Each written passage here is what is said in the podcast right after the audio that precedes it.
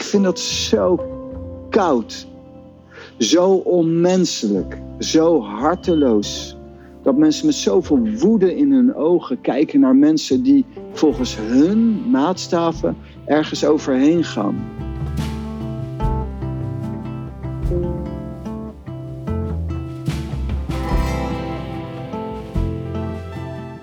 Dit is alweer de 400ste aflevering van deze podcast. Wauw, dat voelt toch wel even als een mijlpaal. Het was 1 januari 2021 toen mijn eerste podcastaflevering live ging. We zijn nu twee jaar en drie kwart verder. En we zijn bij 400. Alsof het niks is. Dit is niet alleen aflevering 400, maar het is ook de elfde podcastaflevering die ik maakte in co-creatie met mijn spiritueel leraar Pranay. In deze aflevering is het thema hoe ga je om met de gevoeligheden en de meningen van anderen als je je vrijuit wil uitspreken, bijvoorbeeld op social media? Als je jouw waarheid wil leven, ook al is die onconventioneel en triggert die anderen. Je weet misschien wel dat de triggers van anderen en de projecties van anderen op jou van hen zijn en niet van jou. Maar het weten is nog iets anders dan dat je er helemaal niet door belemmerd wordt. Je wil vrij zijn. Je wil je uitspreken. Je wil je visie uitdragen. Je wil ongecensureerd kunnen delen wat voor jou belangrijk is. En tegelijkertijd wil je niet mensen onnodig kwetsen, je relaties heel complex maken of het vertrouwen van iemand schaden. Hoe vind je die balans? Daarover gaat deze aflevering. Pranay. Hoi. Ik wil graag bespreken hoe je onderneemt zonder dat je je laat belemmeren door meningen van anderen. En dat kan je familie hmm. zijn, kan je partner zijn, het kan meningen op social media zijn, dat kunnen collega's zijn of concurrenten, hoe je het wil noemen. Ja. Ja, als je dat zegt, is het eerste wat in mij vrijkomt, is dan iets wat Osho zegt. Als je nou wakker wordt, dan moet je nog voordat je je kamer uitgaat en ook maar iemand tegenkomt, moet je een heilige mantra reciteren. En het is een mantra die ook je keel gelijk uh, voorwerkt en warm laat lopen. En dat is de holy mantra, fuck you. zo van iedereen wil maar iets van je en iedereen heeft maar zo zijn uh, mening over van alles. Uh, maar wie bepaalt eigenlijk de maatstaf? En daarom zitten we allemaal te zoeken naar, naar elkaar te kijken. Ja, is dit goed, is dit niet goed? En ja, de, de basis is uh, de tering met de hele wereld. Want anders kun je nooit. Ja, I want you to be absolutely selfish.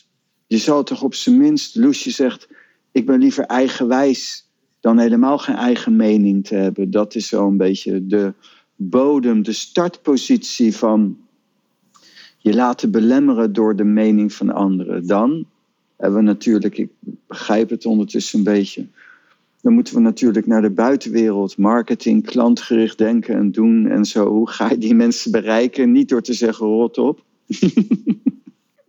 maar het is wel de, e-, de basis waarvan je afzet. Ja, ik, ik wil er even op inhaken, omdat jij hebt het over absolutely mhm. selfish. maar ja, omdat ik jou heel veel spreek, weet ik dat je het net zo goed hebt over onbaatzuchtig geven. En uh, dat helemaal niet jouw uh, punt is. We moeten allemaal heel egoïstisch zijn en niet solidair met elkaar en niet in harmonie. Dat is helemaal niet jouw punt. Maar het heeft te maken met een intentie, wat je hier zegt, toch? Ja, op zijn links zou ik het zeggen, zoals uh, Thai het bijvoorbeeld brengt. Is, um, dus ik ben inderdaad heel erg, mijn hele leven bestaat uit zo'n beetje mensen helpen en uh, me bekommeren om mensen en, en dus solidair zijn. Uh, maar het mag niet ten koste gaan van mij. En, en dus hetzelfde, als je mij beter gaat leren kennen, wat je al zegt, dan snap je dat ik niet dat dan bedoel als een uiterlijk direct. Het is een metafoor. Het is een uh, beeld wat ik gebruik om heel stellig startpositie te maken. Op zijn links zou je kunnen zeggen: de vrede begint bij jezelf. En als je de vrede wil brengen, dan moet je zelf tevreden hebben.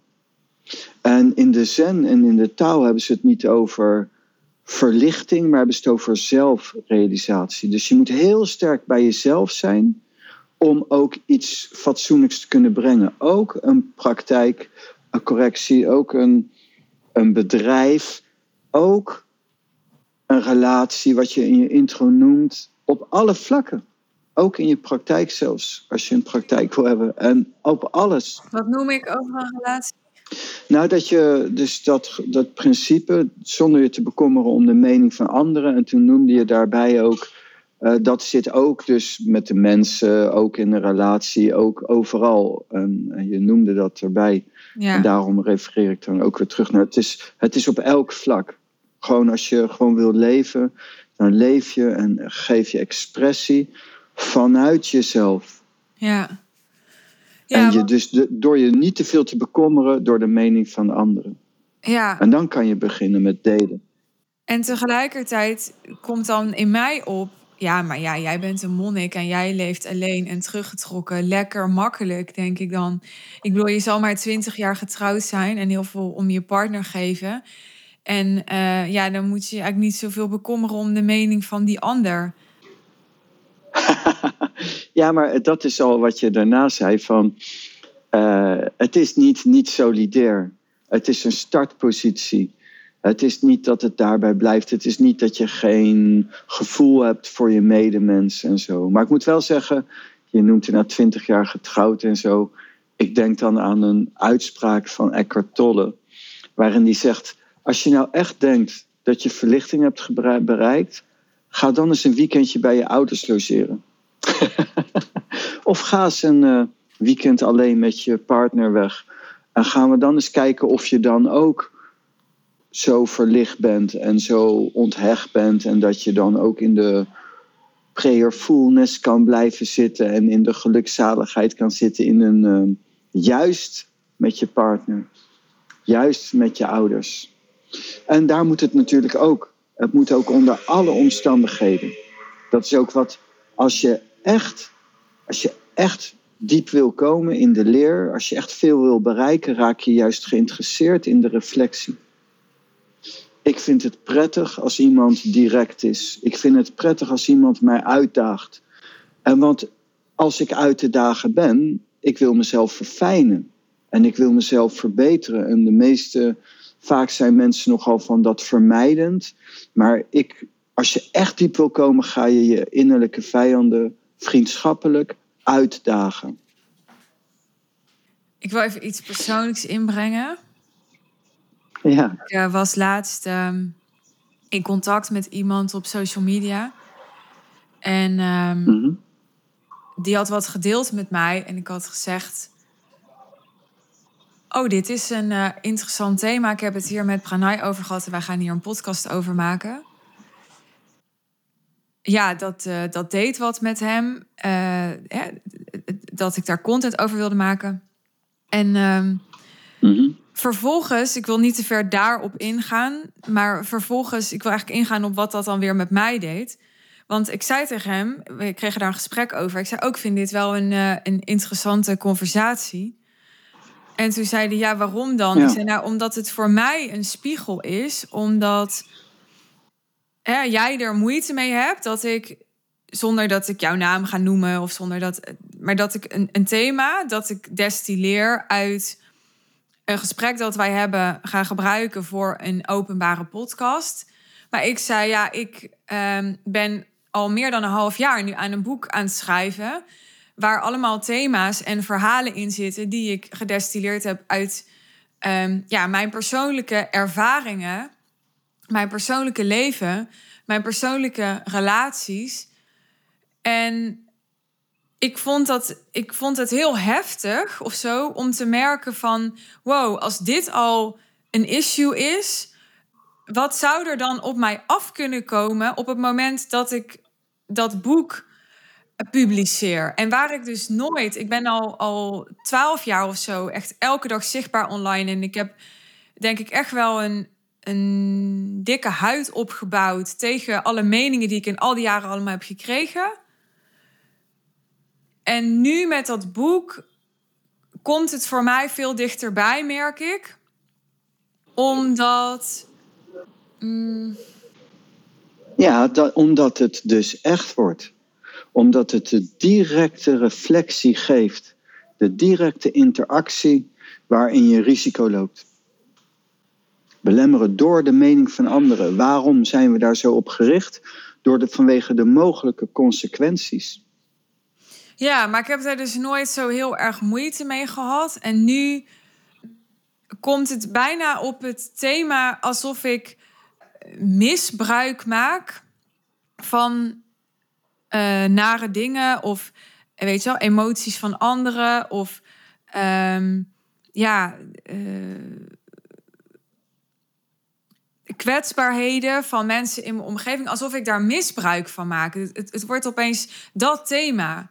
En dat, ja, dat aan de ene kant is voor mij heel duidelijk dat ik dat niet doe. Maar aan de andere kant krijg ik er echt een emotioneel blokkade door af en toe in het schrijven, eh, het, het afmaken van mijn boek. Ja, dit is een heel eh, mooi dat je dit zo naar voren brengt. Dit is het kritieke punt, een heel kritiek punt van deze tijd. De mensen worden steeds zieker, zwakker, slachtofferiger. En je kunt ook niks meer zeggen of doen. Mensen zijn ook niet meer geïnteresseerd in wat je ermee bedoelde. Als je iets zegt waar je mee afgemaakt kan worden, word je ook afgemaakt. En dat is een, eh, een, een serieus probleem, eh, wat heel veel ellende geeft en nog gaat geven in de maatschappij. Dan wil ik vanuit dit thema eens beginnen bij de realiteit. Dan de volgende stap. Eerst de holy mantra fuck you. En dan, als je echt intimiteit zoekt, dan ga je eigenlijk gewoon expressie geven naar wie jij bent, wat jij voelt. Zonder je af te vragen hoe de ander dat zou vinden. Daar wil ik wel aan toevoegen dat vervraagt natuurlijk ook van degene die dat doet een bepaalde mate van volwassenheid. En natuurlijk ook met het basisidee van dat iemand waar we mee begonnen. Ja, wel, je moet wel, wel een medemenselijkheid hebben. Een, je moet er wel goed voor hebben met je medemens. Het is dus niet op basis van dat we allemaal inderdaad de ander misbruiken en, en dat is niet de opzet. Het is op basis van een bepaalde aanname dat je als mens een beetje fatsoen hebt. Zonder Mm. dat fatsoen is er geen vrijheid. Dan is vrijheid losbandigheid. Maar dat is wel een heel, ehm, ja, een heel subjectief begrip. Hè? Wat is fatsoen? Ik bedoel, ik ken mensen die vinden dat ze fatsoenlijk eten. En ik ken mensen die vinden dat dat helemaal niet fatsoenlijk is. Ja, Klopt. En dat is het verhaal van wie bepaalt de maatstaf. En Ja. het, de bereidheid hebben om te luisteren naar de ander. En je af te vragen, wat bedoelt iemand ermee? Voor mij, wat jij zegt, betreffende jouw boek, zeg je iets cruciaals. Ik bedoel er niet iets slechts mee, zeg je. Zover ik het kan zien, is het, misbruik ik niemand. En dat is, een, dat is de meest essentiële. Je bedoelt het niet verkeerd. Is heel belangrijk. nee, maar even, hè. Ja, ik, ik ben even advocaat van de duivel. Ik heb een relatie, het is carnaval, ik heb te veel gedronken, ik ga vreemd, ik kom de volgende dag bij mijn vrouw. Ik zeg ja, ik eh, heb per ongeluk seks gehad met iemand anders. vrouw, zus. Ja, oké, Nee, maar even, ik begrijp het. Ja, ja, ja. ja. ik heb het niet over mezelf. Ik vier nooit carnaval, dus Nee. vandaar. Oké. Eh, ik ben op Oh een ja, dat is het enige. Nee. ja, nee, nee. is- Maar ehm, Ja. oké, met mijn man, whatever. En ehm, Ja, nee, het maakt ja, niet ik uit. zeg, ik zeg de volgende dag... Ja, maar ik bedoel dit niet verkeerd. Ja, zo zit het leven toch ook niet in elkaar? Ja, nee. Ehm, ja, wel. Op een bepaald niveau en niet. En dat is het eh, nuanceren verschil tussen misbruik en gebruik. En dus wat hierin zit is het verschil tussen inderdaad misbruik, gebruik.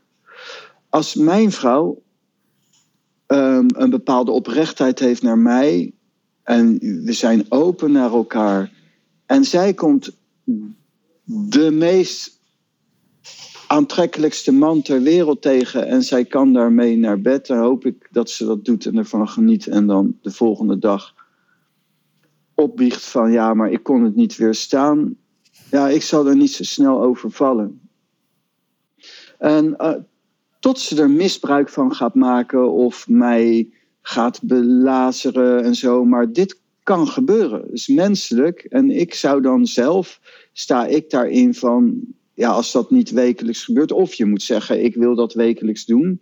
Uh, dus dat kan allemaal. Maar ik zou zeggen, geniet ervan.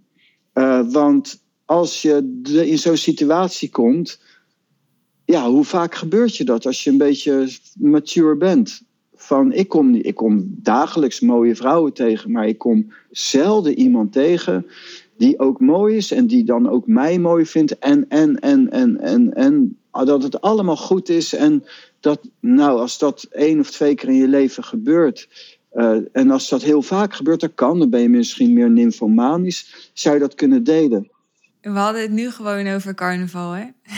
Ik, ik, wil, het, ik wil het gebruiken voor de reflectie, het verschil tussen misbruiken en gebruiken. Ja, ik snap het. En ik, mijn, mijn mening is, ik sta in dit leven om te leren. En dus ik zoek, ik zoek de interactie. En wat is het doel van participation? Dat je jezelf tegenkomt en de ander ook. En die reflectie is een doel van interactie en interbeing. Alleen dat moet je wel niet misbruiken, maar dat kun je wel gebruiken. En dat is heel interessant. Dat gebruiken is niet misbruiken. En het is juist, vind ik, heel grappig. Als jij bijvoorbeeld een boek schrijft en stel als je mij daarin zet en dan ga jij jouw perspectief van mij brengen. En je hebt ook soms een beetje zelfspot nodig naar jezelf. En dat zou jij dan vanuit jouw ogen bekijken. En dan kom ik er misschien niet altijd goed uit. Nou ja. En dan ga ik daarvan leren. En als ik daar iets van vind, dan zeg ik tegen jou van... Oh, oh, vind jij dat zo? En dan zeg jij van ja of nee. En, dan kan je en dat is leuk. Dat is het spelletje van het... Ja, participation, van het deelnemen, van het interbeing. Het in, in contact staan. En en hoe zit het dan met veiligheid? Want ik denk dat, dat uh, misbruik ook linkt aan veiligheid. Dat op het moment dat, ja, dat iemand het gevoel heeft dat alles wat hij tegen mij zegt in een boek kan komen, dan, dan voelt dat voor mensen mogelijk onveilig. Als je doorgaat op dan, als je dat zegt op de oliemantra, fuck you, wat houdt dat in? dat je bij jezelf thuiskomt. Zo kan je het ook zeggen. Dus Osho brengt het zo vanuit fuck you en Thai zegt thuiskomen bij jezelf. Het een klinkt heel rechts en het ander heel links, maar als je het praktiseert is het gelijk. Is het exact hetzelfde. Je komt thuis in jezelf. Je hebt jezelf. In liefde, als je ooit gelukkig wilt zijn, moet je voorbij seks en liefde komen. Bij jezelf. In een innerlijke harmonie en een innerlijke vrede, waardoor je dat wat je zoekt bij de ander vindt in jezelf. En als je dat vindt, dan is het daarbuiten, hoef je niet tegen seks, tegen liefde te zijn. Dan kun je het gewoon onbevangen spelen. Dat is eigenlijk de volgende stap van de expressie geven. Dat is dan zonder de druk. En, en daarin ben je soms een beetje fout. En dan doe je iets onhandigs en dan vindt de ander voelt zich aangevallen. En er zit misschien wel een kern van waarheid in, dat kan ik dan leren. En andersom. En dat is het spelletje van uitwisselen. En dat is heel leuk. Je leeft, de reflectie. En soms, en de wereld is niet veilig. Ik kan ook mijn dood neervallen. Het vlees is zwak, wat je noemt in je voorbeeld. Ja, als je partner, man, vrouw, maakt ook allemaal niet uit. Uh, man, vrouw gaat stappen, dan kan dat gebeuren. En daarom is iedereen ook ergens bang, onzeker en jaloers. En, maar dat hoort ook bij het leven. Je moet dat ook durven. Je moet ook durven te leven. En het gaat ook niet altijd goed. Nou ja, dan moet je ook een beetje kunnen relativeren. Maar ik heb liever dat mijn vrouw me een keer besodemietert... dan dat ze als een dode thuis zit op de bank... en dat er wel leven in zit... En ik heb liever dat ik risico loop en dus soms bedrogen uit kan komen dan dat ik niet leef. Iedereen zal beamen dat, uh, dat je gewoon moet leven. En dat het, Mhm. hè, we hebben niet voor niks ook recht op vrije meningsuiting en dat soort dingen. En toch, wat ik, ik- er is iets wat ik nog, nog beter wil overbrengen. Want als ik jou hoor praten, dan klinkt dat op een Mhm. bepaalde manier alsof je vrij individualistisch bent. Terwijl Mhm. ik jou juist zo heel goed vind in eh, relateren. Dus het klinkt heel erg alsof jij zegt: ja, je moet gewoon doen wat je zelf wil en dan fuck you naar die ander. Eh, maar, dat, maar dat is helemaal niet wat jij over wil brengen, volgens mij. En dat vind ik toch belangrijk dat Ja, dat klopt. duidelijk is. Ja, dat is ook waarom ik het ook zo eh, graag zo breng. Ehm, eh, in het verhaal van reflectie en je boek en wat andere mensen zeggen. En dat is dus inderdaad, de vorm kan soms niet handig zijn. En dus je moet ook de ruimte gaan nemen. De tijd nemen. Dus als ik een, antwoord, een re- een reactie geef, iets vertel, dan kun je gelijk zeggen, de vorm, die is dan niet handig. Dus bijvoorbeeld fuck you. Wat bedoel ik daarmee? Als je je dat gaat afvragen en je gaat je verdiepen ook in mij, dan kom je erachter dat ik inderdaad niet iemand ben die maling heeft aan de mensen. Die niet solidair is, het tegenovergestelde. Maar hoe kan ik eigenlijk zoveel met mensen werken en toch bij mezelf blijven en niet uitgezogen worden? door de basis van de Holy Mantra. En fuck you. En dat is een. En daar moeten we, we moeten dus meer gaan kijken naar. Meer gaan luisteren naar elkaar. Meer gaan afvragen wat bedoel je. In plaats van een vrees, een one-liner en daar iemand mee kapot maken. Ja. En dat is het probleem in deze tijd een beetje. Ehm, we moeten ook uitgaan van een positief iets van onze medemens. En gaan zoeken naar als iemand minder goed is. Zit er misschien een wond achter? Zit er misschien een onhandigheid achter? Daar moeten we compassie voor krijgen. Begrip moeten we gaan oefenen. Zodat we ons vrijer kunnen uiten. En dat er niet constant zulke extreme consequenties aan hangen als iemand anders het op een bepaalde manier opvangt. En dat is het thema van, van je boek. Ja, want ik zie heel weinig mensen. Ik heb natuurlijk ook eh, als coach met heel veel ondernemers gewerkt. En bijna niemand zit in het midden. Eh, de meeste mensen die ik Precies. tegenkwam, die zaten te veel in het rekening houden met hun omgeving en met mogelijke reacties. Eh, ik heb zelf denk Ja. ik af en toe iets te veel aan de andere kant gezeten en gedacht, ja, ik doe gewoon wat ik zelf wil. Mhm. En daar zijn er meer van. Er zijn ook nog mensen die nog veel erger zijn dan ik. Ik heb echt niet scheid aan alles en iedereen. Die mensen heb je ook. Maar in het midden, Mhm. dus eh, je niet eh, conformeren aan anderen, terwijl je wel compassie hebt voor de ander en in verbinding en in gesprek kunt blijven met de ander. Dat Ja. kunnen maar weinig mensen volgens mij. Mm, ja, dat gebeurt nu niet zoveel. En, maar dat is wel de taal. De middenweg, yin-yang. En juist in het midden eindigen. Er is niet links en er is niet rechts en er is links en rechts. Maar als je ze samen gebruikt, klinkt tegenstrijdig in eerste instantie, dan kom je uit in het midden en dan werkt het. De Holy Mantra fuck you, om daarmee dichter met de mensen te kunnen verbinden, zonder dat het ten koste gaat van jezelf. En alleen links of alleen rechts is eh, onvolledig. En de hele taal maakt daar gebruik van yin-yang, de I Ching. De I Ching, het boek zelf, heb ik nooit echt heel erg doorgenomen. Ik heb het wel eens doorgebladerd. Maar vanuit mijn achtergrond is mijn sterke kant. Juist yin-yang. Juist de intentie die bepaald wordt door wat voor de mind lijkt als tegenovergesteld. Maar waardoor het juist vol is. En dat is gaaf. Nu wil ik het even iets Mhm. praktischer maken nog. Want. Ik heb mijn eigen casus ingebracht met mijn boek. Ehm, Mhm. laten we daar even op voortborduren. Stel, ik breng dat boek uit en ehm, nou, ik heb het laatst nog gezien. Op ehm, Facebook was er een meisje en die eh, had een roman geschreven. En die had geloof ik daarin gezet dat ze in de Belmer was gaan wonen, want ze wilde alle zwarte daar nemen. Ja. En nou, daar, daar viel dus, het stond op Facebook en RTL Nieuws, weet ik wel. Dus blijkbaar viel heel Nederland daarover. Dat, is, nou, dat, dat, dat lijkt heel erg op mijn casus. Ik heb dat niet zo opgeschreven, maar ik heb misschien weer andere dingen geschreven waar mensen over kunnen vallen. Um, wat doe je dan? Dus heel Nederland valt over je heen. Je bent soort landelijk nieuws geworden. En hoe zorg je dan dat je niet uh, beschadigt door alles wat je over je heen krijgt?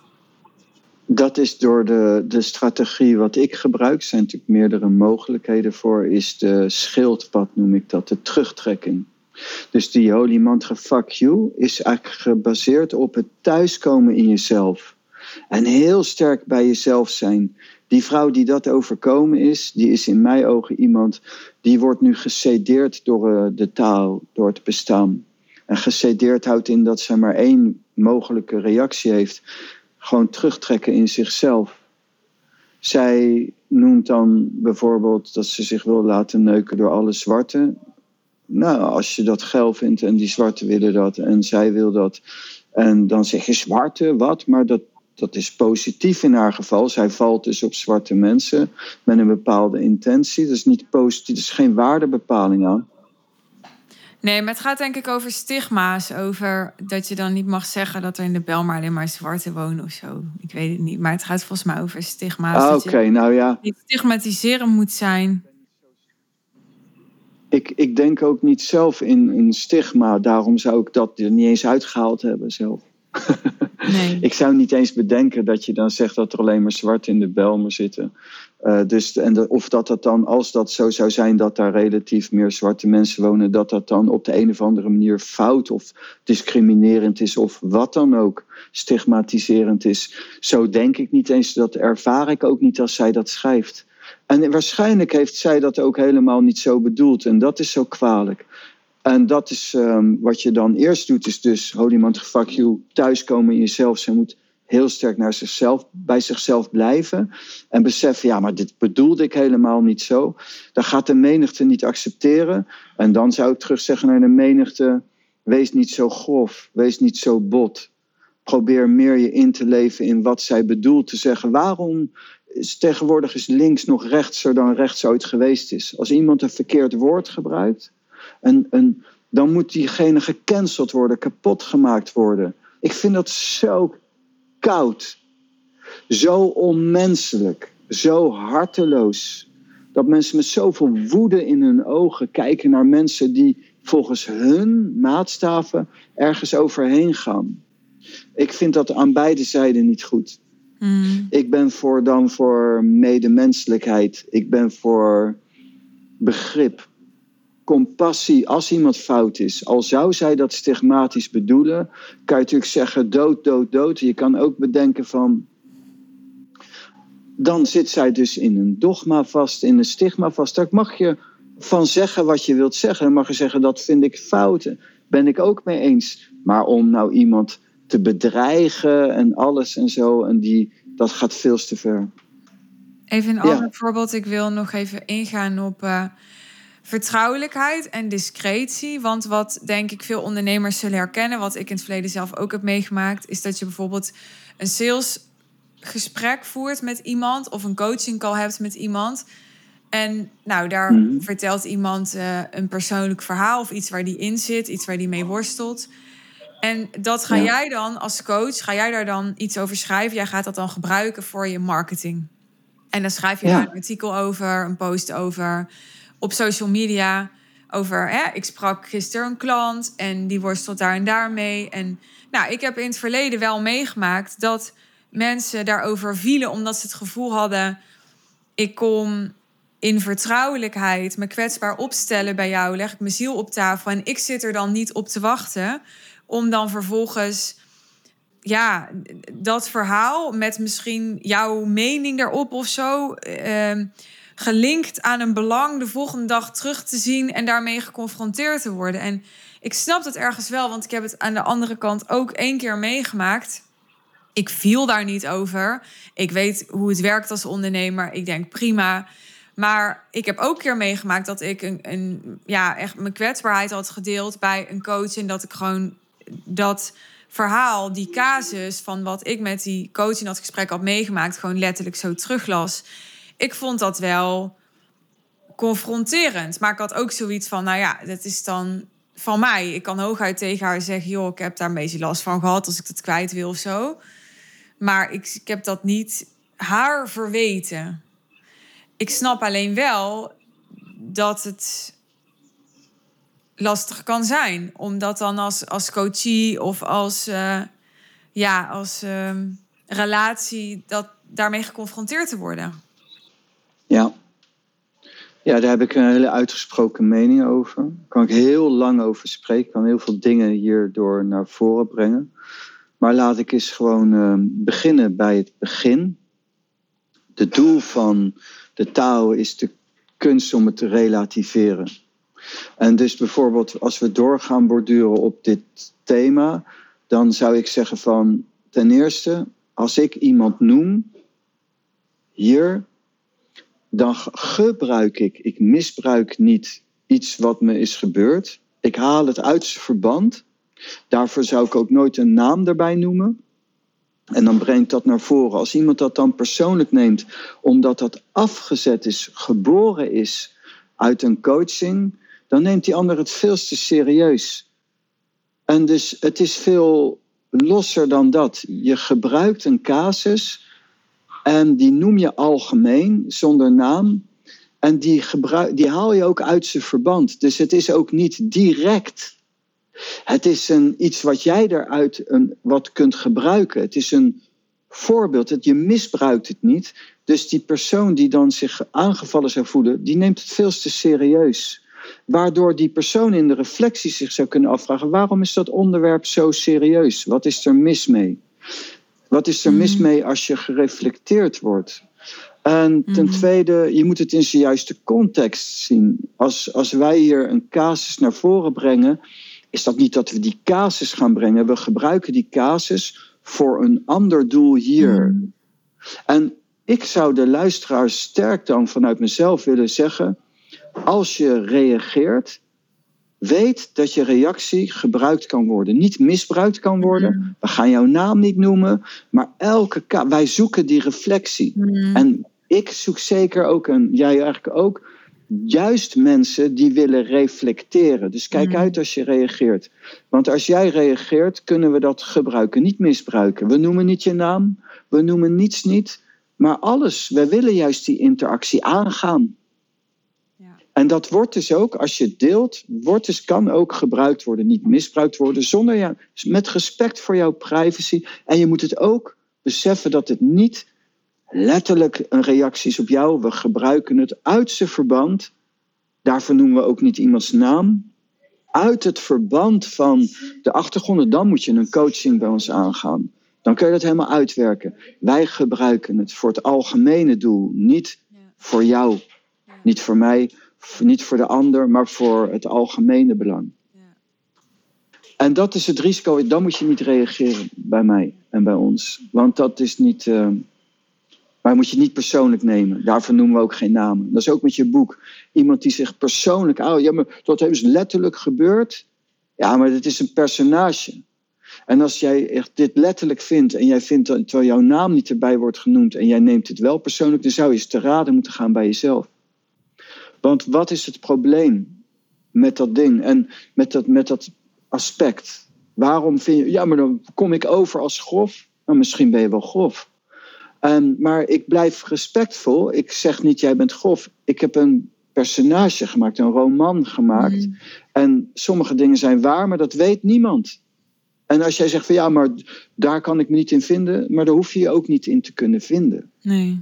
En we, we nemen alles zo we zijn allemaal emotioneel ongesteld en iedereen neemt zichzelf zo serieus. Maar het is. Emotioneel ongesteld. Ja, die vind ik leuk. Ga ik onthouden. Ja, en we zouden veel.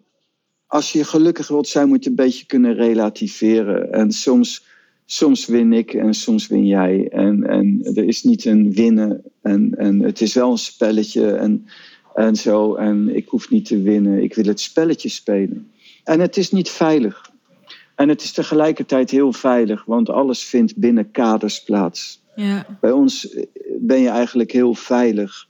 eh, want we noemen je naam niet en we noemen niks niet. En we, we zeggen er dus al bij van ja, maar we gebruiken het en misbruiken het niet. We gebruiken het voor een punt te brengen in ons verhaal en niet om jou een mening te geven. Als je die mening wil hebben, moet je persoonlijke coaching nemen of iets, Ja. als dat kan. Dankjewel. En dat is het hele verhaal. Ja, relativeren. Dank je. Dat was hem voor deze aflevering. Tof dat je tot hier geluisterd hebt. Dank je wel voor je aandacht. En wil je reageren op iets wat je gehoord hebt? In de show notes vind je hoe je ons kunt bereiken. Ben je nog niet geabonneerd op de podcast? Je kunt gratis abonnee worden via iTunes of je kunt deze podcast volgen op Spotify. Dan krijg je notificaties in jouw podcast-app als we een nieuwe aflevering voor je publiceren. Dat doen we op dit moment drie keer per week. En heb je een vraag aan ons? Of is er een thema waarvan je graag zou willen dat we die in een aflevering bespreken? Dan voel je vrij om die te delen. Nogmaals, check de show notes hoe je contact met ons kunt opnemen. Ik eh, hoop dat je er de volgende aflevering weer bij bent. En ik wens je voor nu een mooie dag, een mooie avond. Misschien wel rusten. En tot de volgende keer.